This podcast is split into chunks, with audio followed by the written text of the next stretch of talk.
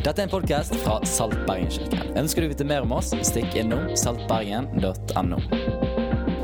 Fint å se deg. Det er flott å være her, ikke det? På Riks. Du vet, Kirken er ikke bygnaden, men kirken er folkene. Og det er vi utrolig glad for. Eh, og da, Siden det er folkene, så er det bra at det er bra folk. på en måte. Skjønner Du For du kunne jo vært utrolig uheldig, da. Men jeg tenker jo at vi har jo vært ganske heldige. da. Se på deg sjøl. Bare se rundt deg, liksom. Du kan snu deg til sidemannen og si Gud, så fin du er. All right. Den er god. Ja da. OK, gutter. Ok, gutter, Det holder, det holder, det holder. Dere kan betale meg etterpå. Nå brøt vi isen. Nå er vi i gang. Nå ruller det på. All right. Går det fint? Nå har jeg snakket med en 11-åring eh, på den forrige gudstjenesten, og så sa jeg til han 11-åringen at eh, nå skal jeg bort og snakke for den fjerde gang i dag. Da er det veldig viktig at jeg tenker at det er mange som kommer for første gang på gudstjeneste nå. Så jeg kan ikke stå der og tulle meg. Jeg skjønner, sa han da. Så, så der er vi. Du, eh, i de første tre gudstjenestene dette semesteret så snakker jeg litt ut ifra eh, dette treet her. Her får vi opp det treet på veggen. Eh, så kreativ er jeg blitt, altså. Får vi opp det treet. Der er det. Ser dere det? Forrige uke så, så forkynte jeg fra side 677 til 841 i denne boken. Eh, utfordringen er det at det temaet som står inni der Jeg vurderte jo høytlesning, men jeg tenkte det er bare hun Elisabeth Giske som hadde syntes det var gøy. Altså, jeg og hun har felles interesse. Vi liker litt sånn vanskelige ting. Eh, så, så, så, jeg tenkte, så fant jeg en annen bok da, av, av, han som kom på iMac-en. Eh, han sa det at, eh, han sa det at eh, Steve Jobs han brukte the simple whip. Enkelhetspisken. Hvis det var for komplisert, så måtte man jobbe med det en gang til så at det ble enklest nok. For vi har lært oss det både som lærere og forkynnere og, og, folk som lager ting som skal brukes av folk, at hvis det ikke er enkelt nok, så vil ikke folk eh, forstå hva det er for noe. Så det som er enkelt, som kommer fra det som er komplekst, det er genialt. Men det som er enkelt og kommer fra det som er litt grunt, det er egentlig bare litt overfladisk. Men vi ønsker i denne menigheten å være ganske grundige rundt det.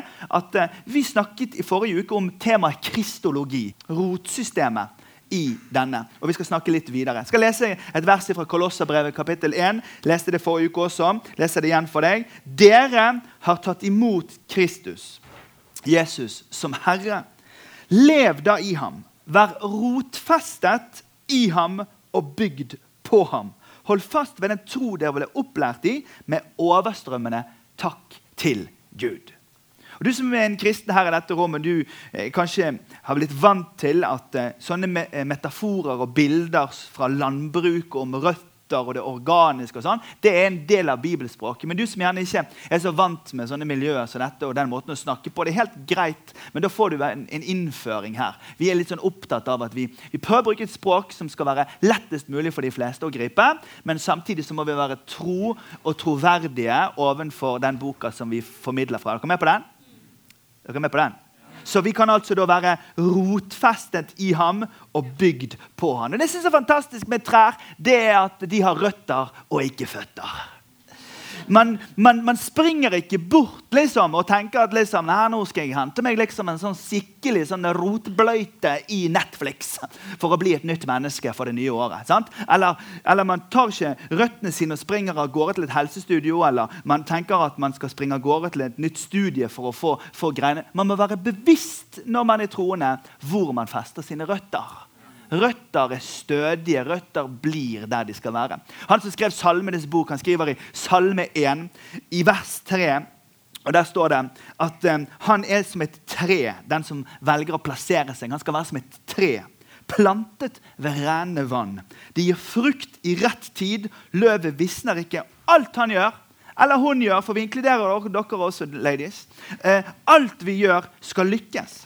Hør da, Der fins et løfte forbundet med at man plasserer seg et sted. Og Det forsterkes enda mer i Salme 92, hvor det står de er plantet i Herrens hus, og de blomstrer i forgårdene hos vår Gud. Ennå i alderdommen bærer de frukt. De blir friske og frodige. Tenk hvis du er 108 år. Willoch, Kåre Willoch, dere husker han?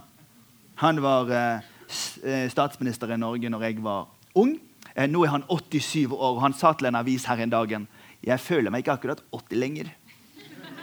Men tenk liksom, når du plasserer deg sjøl på et sted som gjør at det er sunt, og det er godt, og det er varig, og det er positivt, og du er med mennesker som du kan le med, men du er også med mennesker som du kan gå gjennom tøffe tider med. Fordi at du kan være der sammen med andre, men du springer ikke rundt og forsøker å plassere deg andre steder. Du er plantet et sted. Så fra side 800, unnskyld, fra 677 til 841 kristologi, og i dag er temaet eklesiologi. Fra 1035 til rundt 1140 et eller annet. Men Elisabeth, jeg kan ikke gjøre høytletning nå heller. Blir, altså de andre vil ikke være med på det. De er ikke helt sånn som oss. Så Derfor så har jeg brukt enkeltpisken på denne også. Og så skal jeg forsøke i løpet av de neste minuttene Og i alle fall forsøke å overbevise deg om at Gud han har en tanke for den lokale menigheten. Han har en tanke for hva kirkelydene skal være på. Ja, Øystein, nå syns jeg det går litt fort fram. Her snakker de om Jesus, og han kan jeg like. Men jeg liker å treffe Jesus når jeg er på fløyen. Jeg opplever at Herren har en spesiell kobling med de syv fjell, det syv fjell og Jerusalem. Og når jeg i naturen, så møter jeg han. Når jeg drikker grønn te, ja, da blir det veldig varmt på innsiden. Det er pga. teen, lille venn. Eh, eh, og, så, og, så, og så lager vi sånne forestillinger om at vi kan definere hva Kirken er. Men hør, Vi har en overbevisning i denne menigheten. og det er det at vi, vi tenker ikke at vi er så smarte at vi kommer på det sjøl. Vi tror at linjen går fra den tidlige kristne kirke, hvor man oppdaget hva kirken skulle være. De hadde noe sånn aha, ja, aha. Men vi, vet du, vi blir litt sånn arrogant noen ganger. Det betyr arrogant. Og det er sånn at Vi tenker nei, men vi har jo skjønt jeg liker best å være ute i en frukthave og lese Kolosserbrevet. For da kjenner jeg frukten kommer. på en måte. Men helt over, det, det, er så mye nonsens. Og i dag så skal vi slutte med nonsens. Og så skal vi begynne med, med liksom det, som, det som gjelder. Går det fint? Herlighet. Jeg trodde det var gale, men så gale ikke det var i denne riksmenigheten. Men vi skal komme til Det, ble, det blir verre. Eh, eh, Peter eh, og disiplene til Jesus de var en gjeng rundt Jesus. Han hadde tolv stykker rundt seg. og De var på vei til en by som heter Cesarea Filippi. Og mens de var på vei til Cesarea Filippi, så spurte Jesus hvem er det, dere, hvem er det folk sier at jeg er. Han var litt nysgjerrig. Sant? Han lurte på, Hva skriver de på Face? liksom? Hvem er jeg? Og så svarer de, Det er veldig lett å svare hva de andre sier, men så spør vi hvem sier dere at jeg er. Og I disippelflokken til Jesus var det én disippel fra Bergen eller fra United States of America. I alle fall så snakket han høyt og først. Eh, og, han, og han, sa, han sa 'Du er Messias, den levende Guds sønn'. sa han. Og da sa Jesus 'Aha! Det der kom du ikke på av deg sjøl. Det der har Gud vist deg'. Det der har ikke du lest i en bok, Peter. Det der har Gud vist deg. Og umiddelbart, Første gang Jesus snakket om menigheten, det var i direkte kobling til at Peter skjønte hvem Jesus var. For det først så plasserer vi ned våre røtter nå blir det litt akademisk her, i kristologien. Og så forstår vi at oppå den reises det en stamme. En stamme som er eklisiologien, den levende Guds menighet. Og det kan være et juletre fra, fra, fra plantasjen med sånne fake engler og spraglende lys. Eller så kan det være et eiketre med ekte engler. Det kan være liksom et sånt som bare står der i generasjoner fordi at det er den levende Guds menighet. Og Det er vår overbevisning i denne menigheten at vi tror på den lokale kristne menigheten. Vi tror på den. Ja, men jeg har opplevd så mye trist. Når jeg sang i TenSing, så følte jeg at og når jeg var med i ungdomsgruppen der, så ble jeg så sliten. og Jeg, jeg, spiste, jeg, ble, jeg fikk sånn skjørbuk, for jeg spiste så mye vafler når jeg var i sjømannskirken i, i, liksom på Gran Canaria. Ja, alle, Det er ingen som kommer såret fortid, uten noen sår fra fortiden sin. Men vi kan ikke la det definere den levende Guds menighet. Den levende Guds menighet er noe som Gud Det er noe og vi trenger et lite aha. Og nå skal vi straks komme til et lite aha. Går det greit så langt? Paulus han eh, het Saulus, og han var på vei til Damaskus en gang. og Han var veldig mot Jesus, men plutselig var han veldig for Jesus. og Han var veldig et, forfølger av de kristne, men så ble han veldig etterfølger av de kristne. Og det var fordi han plutselig møtte Jesus. Og så snakker han om seg sjøl. Og det som han sier om seg sjøl, det er det her aha-øyeblikket. Okay? Nå tar vi side L1035 til et eller annet uti der, og så skal vi lage et lite aha-øyeblikk. her. Går det fint? Jeg er veldig opptatt av at du skal ha ditt refleksive rom. At ikke jeg skal be deg si, liksom, gjøre et eller annet rart. eller noe sånt. Så for første gang i menighetens historie så skal jeg be dere gjenta etter meg. Eh, går det fint? Gud, jeg var i denne menigheten, og Han sa hesten hoppet over gjerdet. Og vi sa hesten hoppet over gjerdet. Det var akkurat som hjernen var liksom sjekket igjen ute i baren. og Vi bare sto der og ble hypet med. Det er ikke så farlig. ok? Det er bare ett ord jeg vil at du skal gjenta, for du skal se noe veldig tydelig. Går det fint? Da leser vi. Går det bra? Yes. All right. Look at this. Det er litt lenge, da. Så de av dere som tenker jeg orker ikke lange bibelvers, dere må bare gå på, inn på Insta eller gjøre et eller annet nå. Dere andre, dere som var med til himmelen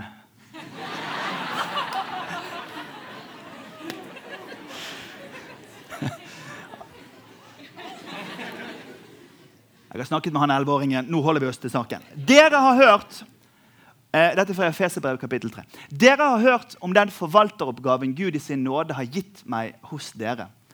I en åpenbaring ble mysteriet Kan du si mysteriet?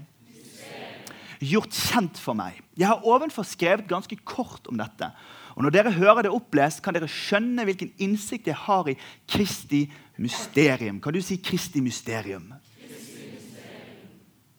Det var ikke gjort kjent for menneskene i tidligere slekter, men nå er dette mysteriet. Kan du si mysteriet?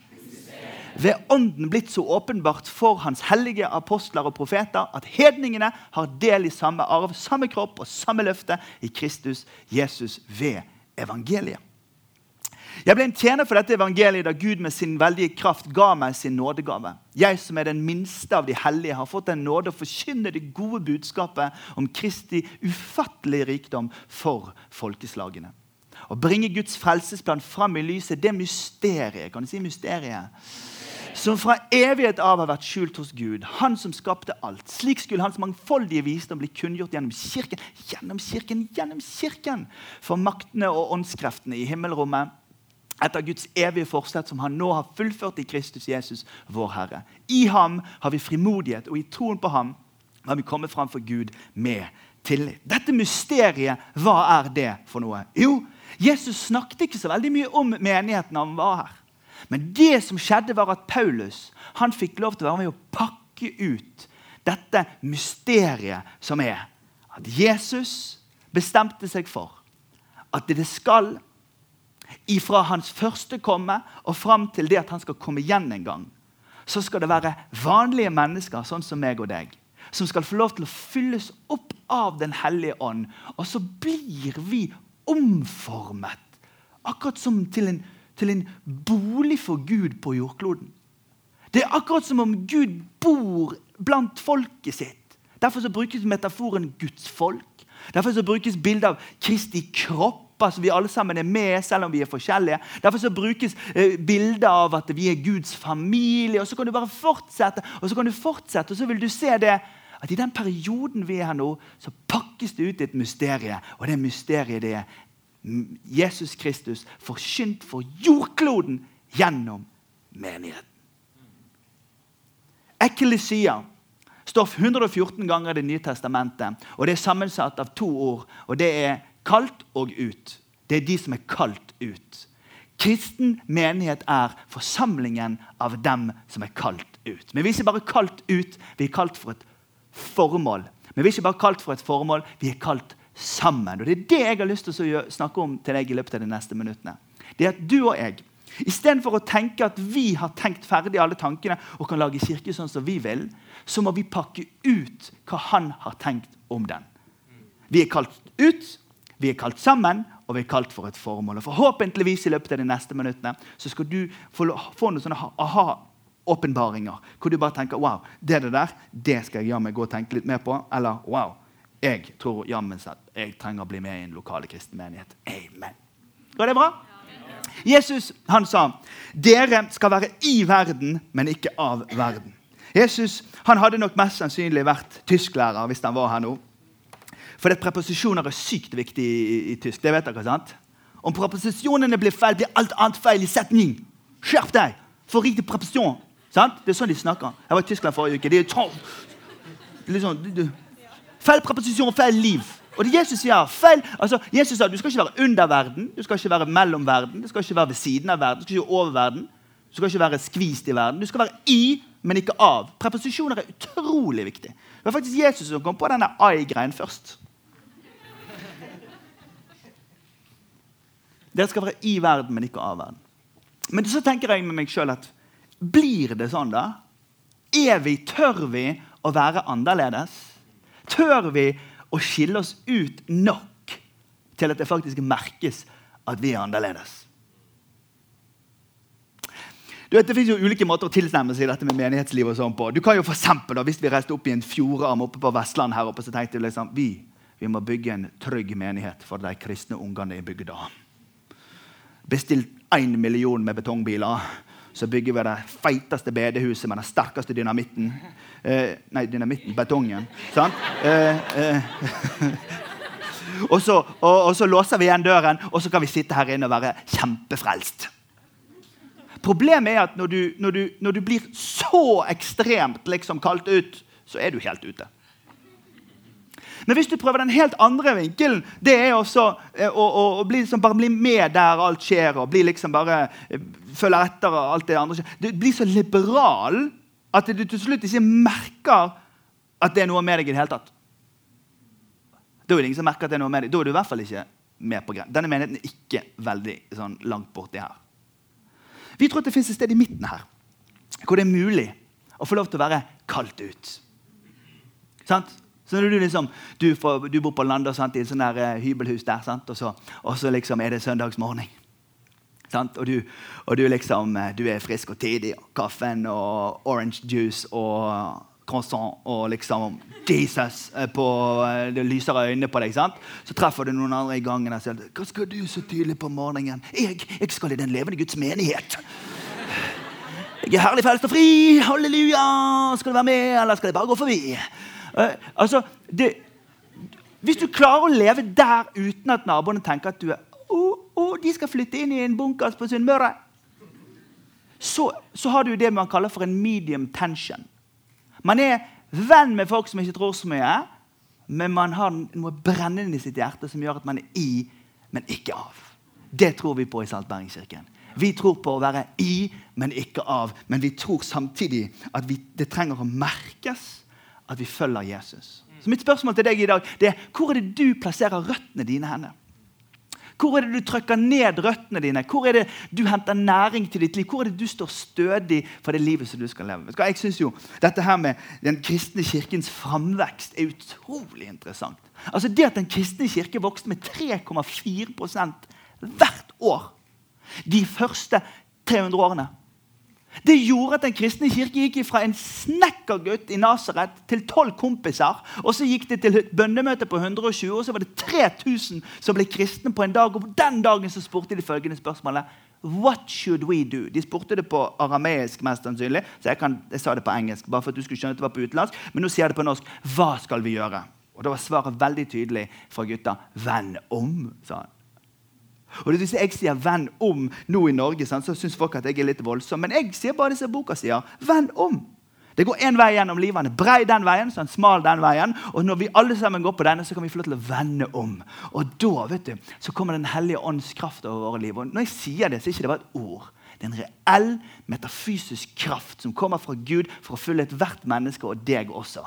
Og Når den kraften kommer over ditt liv, så begynner det å blåse en vind her inne som bare gjør at wow, vet du hva, jeg har det kjempegreit. Jeg er ingeniør. Jeg driver og tegner en sånn her rar liten ding som de skal bruke et eller annet sted jeg aldri liksom kommer til å komme til. Men i tillegg til det så er jeg en brennende etterfølger av Jesus Kristus. Så jeg regner på den dingsen. Det er jo én ting, men jeg er på vei til en evighet med Jesus. Og folk tenker liksom kult, liksom, fin, flink på jobben, grei å prate med. Ikke flyttet inn i en bunkers på Sunnmøre. Han er ikke så usynlig usynlig at han bare blir borte i greiene. Han står for noe. wow, Han er mest sannsynlig i, men ikke av. Sånne folk vil jeg ha i denne menigheten. Sånne folk forandrer verden. kjære venner.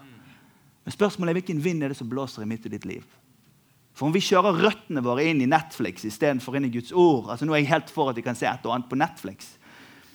Elisabeth hjalp meg med en ny serie her. Sant? New Girls on the Block. eller noe sånt. Hva var det for noe? Sant? Et eller annet sånt. her. Ja, ja Friends eller noe sånt. Eh, altså, Hva var det? Var det New Girl? Ja, Det må dere ikke se på, har jeg hørt. over lunsjen her. Nei, men jo, det, det er gøy. Hvem sa det var gøy? Du sa det, Anders. Det var gøy. Ta bare Legg hendene våre på han akkurat nå, så skal vi be litt for han der.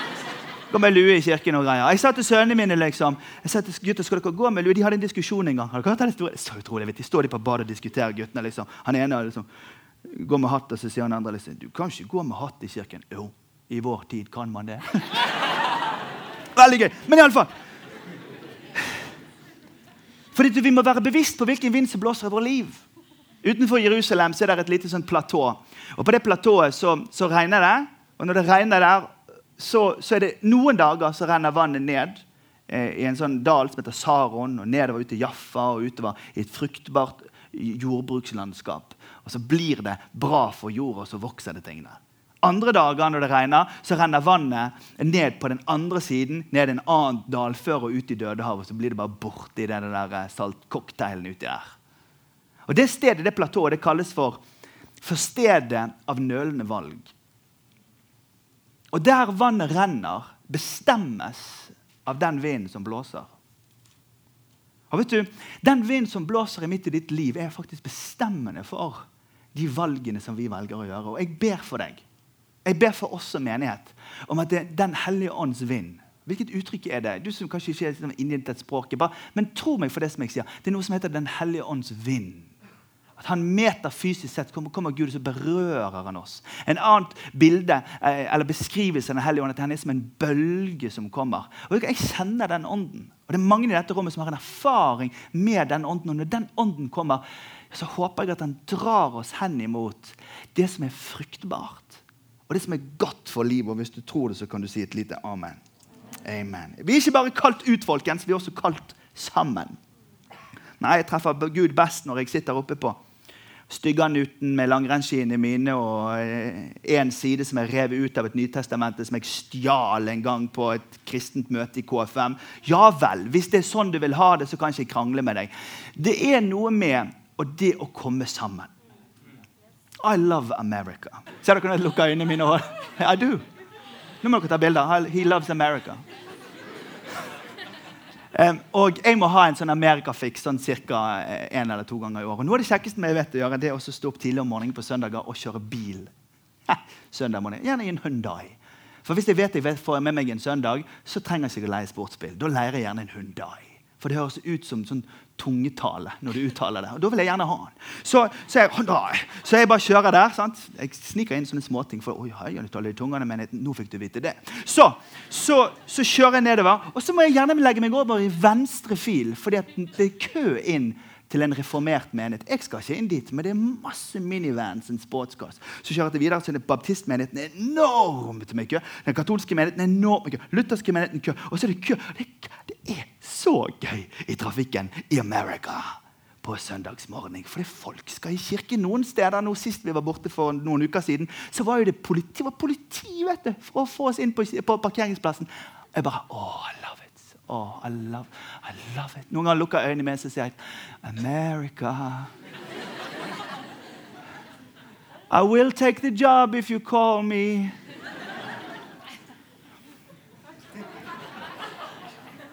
Svigerfar tok meg med til, til Kina eh, for at jeg skulle få være med og, og se undergrunnsmenighetene der. Det er sånn 10-12 år siden. Jeg var akkurat ferdig med studien, og han tok meg med for å treffe noe i hans nettverk der i, i Kina. Kom inn i et lite uh, hus med en mann som er godt kjent, men allikevel får lov til å drive en sånn undergrunnsmenighet. Og, og jeg fikk lov til å tale der. 30-40 stykker, kanskje. ja. Og de dere som kjenner meg, vet at jeg alltid gir en utfordring til å ha lyst til å komme til å tro på Jesus. Og, den første kvelden var det folk som tok imot Jesus. den andre kvelden, Og det var utrolig spesielt. Og når folk tar imot Jesus, så går jeg bort og spør liksom, so, Did you grow up in a Christian home? No, never heard about this man you talked about before. Og Så sier jeg åh, fantastisk. For du vet, I undertrykte land så samles folk fordi at de bare må komme sammen med de som tror det samme. Og I Amerika så har de fått til en, en eller annen type miks som gjør at selv om de er fri og konsumorientert og liberale, så er det en verdi for å komme sammen. Men her i Norge hvor vi har hatt en dominerende folkekirke gjennom hundrevis av år, og hvor det sekulariseringsprosjektet på mange måter har presset den kristne troen over i den private sfære, det personlige sfære, over i den private sfære, så befinner Kirken seg i utkanten av samfunnet og er ikke på noen som helst det jeg er overbevist om at den skal være. Den kristne kirke skal ikke bare ha en stamme som en pinne. Den skal ha en stamme som en eik. Tror på den lokale kristne menigheten. Ja, men hvis det er regn ute, da kan vi ikke gå. Nei. Det skjønner jeg. Og hvis det er snø, så er det glatt. Da kan vi ikke. Nei, jeg skjønner det. Og hvis det er sol, det er jo så få soldager, da kan vi ikke. Nei, jeg skjønner jo det. Og hvis det er bursdag, da kan vi ikke gå. Nei, det kan vi ikke gå. Nei, riktig. Nei. Jeg tipper i denne menigheten er 1100 mennesker kanskje som sirkulerer her.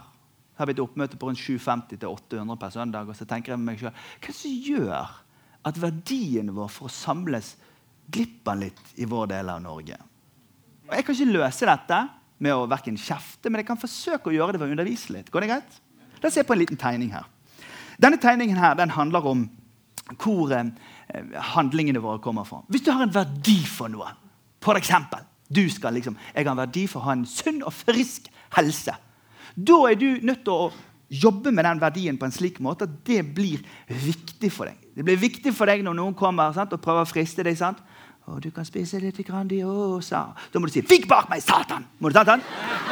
For da, du må være på en måte, du må være på hugget hele tiden. skjønner du?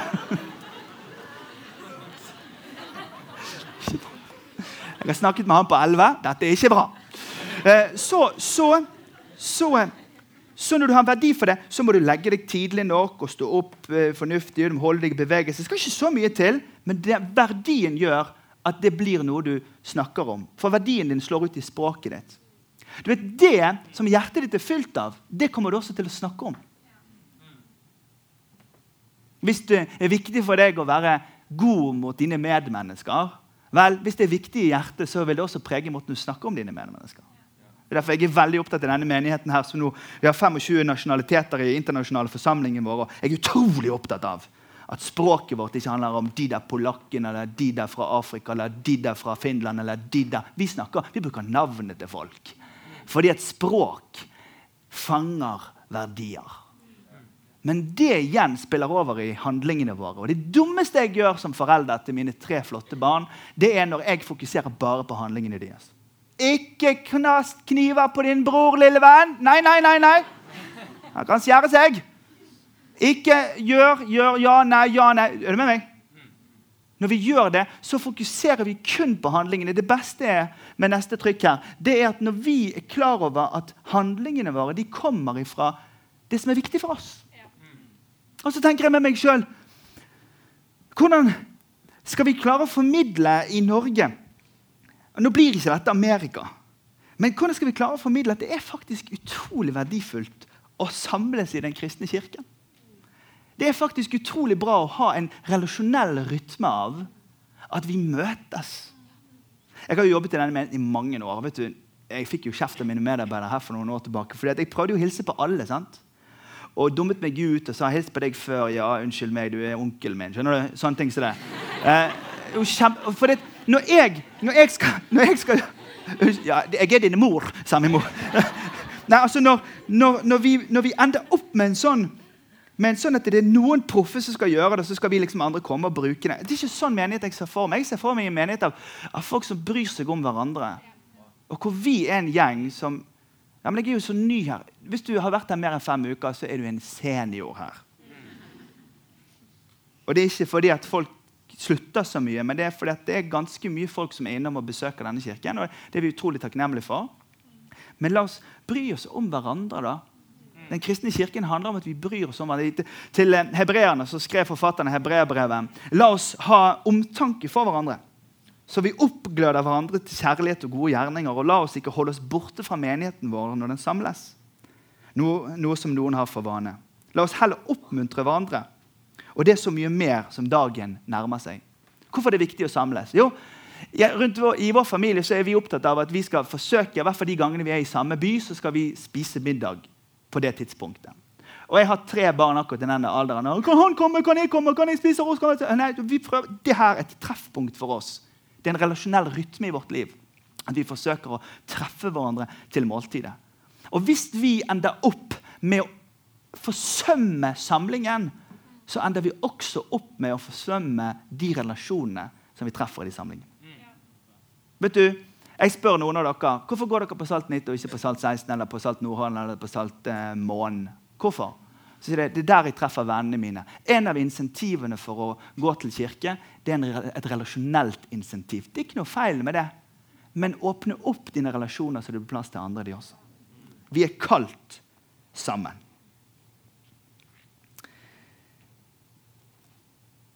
Det neste er at vi er kalt for en hensikt. Jeg skal runde av snart, men ta bare noen få minutter til. I år 62 så skrev Paulus følgende brev til uh, Timoteus, en uh, ung lærling som han hadde. Og Det står i vers, uh, kapittel 3, vers 15. Men hvis det trekker ut, sa han, så vil jeg at du skal vite hvordan en skal ferdes i Guds hus, som er den levende Guds menighet, sannhetens søyle og grunnvoll. Jeg vil jo si at Det var nesten en fornærmelse å si det trakk ut i år 62. Nå er det 2016. Og det har jammen trukket ut litt. Men hvordan skal vi ferdes i Herrens hus? Jeg er overbevist om følgende. Vi skal ikke bygge et kloster og gjemme oss i. Og vi skal heller ikke bygge en sånn liberal holdning hvor vi bare sklir ut i en sånn ingenting og ingen merker at vi går med Jesus. Men vi skal bygge en menighet hvor vi er veldig tydelige på at dette gjør vi sammen fordi vi er her i verden for en hensikt. Guds mysterium skjult gjennom lang tid ble åpenbart. Vanlige folk, sånn som meg og deg, fylt av en vind som gjør at våre livsvalg og våre livsverdier, vårt livsspråk, vårt motto for livet blir at vi lever for noe som er høyere enn oss sjøl. Og så blir det fruktbart og godt. Bergen fortjener en sånn menighet. Du bør fortjene å være en del av en sånn menighet. Våre barn bør få vokse opp i en sånn menighet, og det her bør det være noe som er med oss hele livet. Du burde kunne si litt amen til det. Jeg hører det mye, mm, men jeg hører lite uty litt sånn utydelig amen. på en måte. Det var en herlig venn her som sa til meg i forrige uke at han kunne forbedre talen min forrige uke. Når jeg sa jammen, jammen, jammen, så skulle jeg sagt du må si hele sånn fra jammen, jammen, jammen til ammen, ammen, ammen. Eh, det, men det, det blir for langt for meg. Men hør. Vi tror at det går an å ha noen holdninger i en, i en menighet. Og nå vil jeg skal være veldig direkte med deg, du som er i 20-årene her nå. Og nå kommer det en liten sånn til ettertanke. Går det bra? Så du som er troende her, og du som er ikke troende her nå, dette til ettertanke. Romano Guardini det er en pastor i menigheten som har skrevet en veldig flott bok. Eh, den er rød. Eh, og I den boken så skriver han om eh, om eh, Romano Guardini, en intellektuell eh, katolsk tenker. Hvis han er intellektuell, så er han tenker. Altså. Eh, Romano Guardini, Han snakker om de åtte livskrisene. Han sier første livsfase inn i mors mage. Kjører gratis på Bybanen, får bade hele tiden og innlagt mat. fantastisk periode, Avsluttes av at du kommer ut og blir født. Det er en livskrise å bli født. Han Spesielt når han, minste, han mellomste vår kom ut. Han ble født med liksom, twin tip ski. Det var en spetakkel når han kom ut. Okay? Så kom du da over i barnefasen. Barnefasen, Da lærer du av ja og nei. Eh, mor sier nei, far sier ja. Eh, og Så kommer du fram til puberteten, og det er jo en helt annen historie. Så går du over i ungdomsårene. Og i 20-årene da kjennetegnes vi av idealisme. Idealismen i 20-årene, og det er en del i dette rommet som er i 20-årene, men i 20-årene er jo alt mulig. sant? Jeg stemmer på Miljøpartiet De Grønne. Jeg er så grønn at jeg bor i skogen, faktisk. Jeg synger nattasanger for bjørka, liksom. Bjørka Astrid. Jeg koser på. Jeg lenker meg fast til bjørka. Å, nå må du sove her i mørket. Selg alle bilene til Tyskland. Miljøpartiet De Grønne. Altså, jeg er helt for det greiene, men det kan bli litt voldsomt. Og så er det På den blå siden så er det liksom avskaffe skatt og bore hull i alt som er å bore hull i, og finne det som er å finne. Eh, det Alt er mulig. Alt, alt er mulig i 20-årene. Friends, alt er mulig i 20-årene, også for den som er troende. Og Jeg treffer veldig mange som i 20-årene de lyfter sine hender til Jesus. De sjunger på kveldene så her. Halleluja, Jesus, jeg skal aldri förlåta deg. Jeg skal gå med deg resten av mitt liv. Jeg bare underbara Jesus, halleluja. Når jeg får små barn, så skal de gå i kyrkan. Eh, eh, från tidlig til sent på Jeg var til Sverige en uke. Hører dere det? Eh, eh, og, og, liksom, Jeg bare tenkte at eh, Skavlan klarer litt, Svorsk jeg klarer også. Men altså, Man blir så idealistisk i 20-årene. Men så skjer det hør, så skjer det at idealismen krasjer inn i realismen på slutten av 30-årene. Og da ser Romano Gardini da har du tre valg. Det ene er at du kan bli skeptisk og kynisk. Ja, jeg var mye sånn der menighet før. Oi, hei, Janne. Vi sto der, vet du. Så sang på engelsk. Jeg hoppet av i den perioden vi drev med sånne lovsang. Vi skal klappe. Det var jo 14 ulike takter gjennom denne sangen. Jeg stod og dro på på engelsk og nynorsk om en annen, og det var noe vin og noe, noe fjær og noe styr. Og jeg bare tenkte herlighet for noe drøyt. Så sitter man der og liksom eh, eh, drikker te resten av livet og er sur på en periode i sitt liv. Det kan du velge å gjøre. God bless you. Vi kan være venner på Facebook, men der går grensen. Så, så så det andre valget det at du, det at du blir en evig romantiker. Sant? Litt sånn, sånn kunstnersjeler og sånn. sant? Så treffer de sant, i 80-årene. De er fortsatt single. Og de driver og maler. Ja, 'Hvor skal du nå?' Ja, 'Jeg har fått det for meg, jeg skal, stå, jeg skal male naken på Dovre.' da. Problemet er at det er jo så utrolig kaldt midt i januar. Ikke sant? Men jeg bare kjenner meg gjøre det for kunsten, fordi jeg kjenner kulden her. Så blir det blått lerret.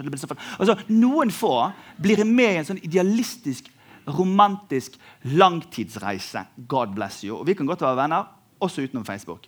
Men det som han foreslår i midten, og dette er det jeg håper å foreslå for deg, det er det midterste alternativet, og det er sånn som dette. Grow up. Den lokale kristne menighet består av all slags ulike folk. Så Noen ganger har en dårlig dag, og noen ganger har en god dag. Noen ganger er vi gjerrig, andre ganger er vi raus. Noen ganger er vi vennlige med språket vårt, andre ganger så biter vi tilbake. Noen ganger så ser det ut som vi har drukket rødbrus og vi smiler. Andre ganger så ser det ut som vi har fått intravenøs sviskejus i en måned.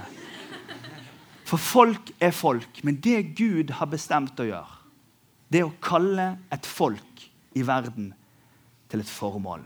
Å blåse en vind over deres liv som gjør at ordinære mennesker omforvandles til sånne som bærer Guds ånd i seg til en hel verden. Det er den kristne kirke. Ikke tal ille om den. Ikke vær kynisk ovenfor den. Og ikke tenk å definere den om til noe annet enn det Gud har tenkt at den skal være. For den er verdens håp. Den er, den er en bolig for Gud i verden. Den er så mye mer enn en organisasjon eller en bygning. Den er, den er noe vakkert noe hvor himmelen møter jorden. Og jeg ber for deg, du som bor i Norge, ikke la deg lure av historien bak. La oss i fellesskap bare profetisk sett bare gå inn for en annen måte å være kirke på. Så ber jeg for deg om at slutten av 20-årene ikke skal være en krasj for deg, men at det skal være en overgang til modenhet. Min arbeidsbeskrivelse som hovedpastor i denne menigheten det er å fremstille mennesker i modenhet til Kristus. Det er det jeg skal gjøre. Jeg jobber med modning. Jeg forsøker å modne sjøl. Og så forsøker jeg gjennom undervisningen å modne deg. Men jeg ønsker ikke å styre dine valg. Jeg ønsker å oppmuntre deg med Guds ord til å gjøre sånn. Tenk hvis dere, det var sånn i vår menighet at vi alle bidro. Tenk hvis det var sånn i vår menighet at vi alle brydde oss. Tenk hvis det var sånn i menigheten vår at vi alle sammen var sånne som bygde bro til tro for andre. Vet du hva? Da er det håp for Bergen, da er det håp for landet vårt, og da er det håp for vår del av verden. Skal vi reise oss opp og så ber vi sammen? Kjente dere det som skjedde nå på slutten? Det som skjer er at Den hellige ånd kommer, og så kommer han med sitt nærvær. Og Den hellige ånd, han kommer med sitt nærvær Ikke tenk du ikke kjente det, og nå er du utenfor. Jeg bare binder den tanken i Jesu navn. Det er ikke det jeg sier. Jeg sier ikke det for at du skal føle deg utenfor. Jeg sier Den hellige ånd I Oldkirken så kalte de ham for Guds spydspiss. Den hellige ånd kommer nært oss. Den hellige ånd er tilgjengelig for oss. Den hellige ånd vil blåse på de stedene hvor du og jeg har nølende valg i vårt liv. Der du velger hvilke verdier som skal styre ditt liv. Jeg har ikke tenkt å kjefte på dine handlinger. Jeg orker ikke. Jeg blir utslitt av det. Men kjenn Den hellige ånd bare blåse på deg akkurat nå. Blåse deg i retning av noen relasjonelle rytmer som gjør at du får festet dine røtter i Kristus Jesus. Du stiller deg sammen, ikke i paradisisk enhet i en kirke. Ikke en romantisk enhet i en kirke, men du sier nei til kynisme og sarkasme og nedlatenhet overfor det. Så sier du det er ikke perfekt, men jeg velger å se med nåde på mine søsken. Jeg velger å se med overbærenhet og tålmodighet på de som er annerledes enn meg. For det er viktigere for meg at vi er en menighet sammen, og at Gud får sin vei, enn at jeg får rett i alt som jeg ønsker.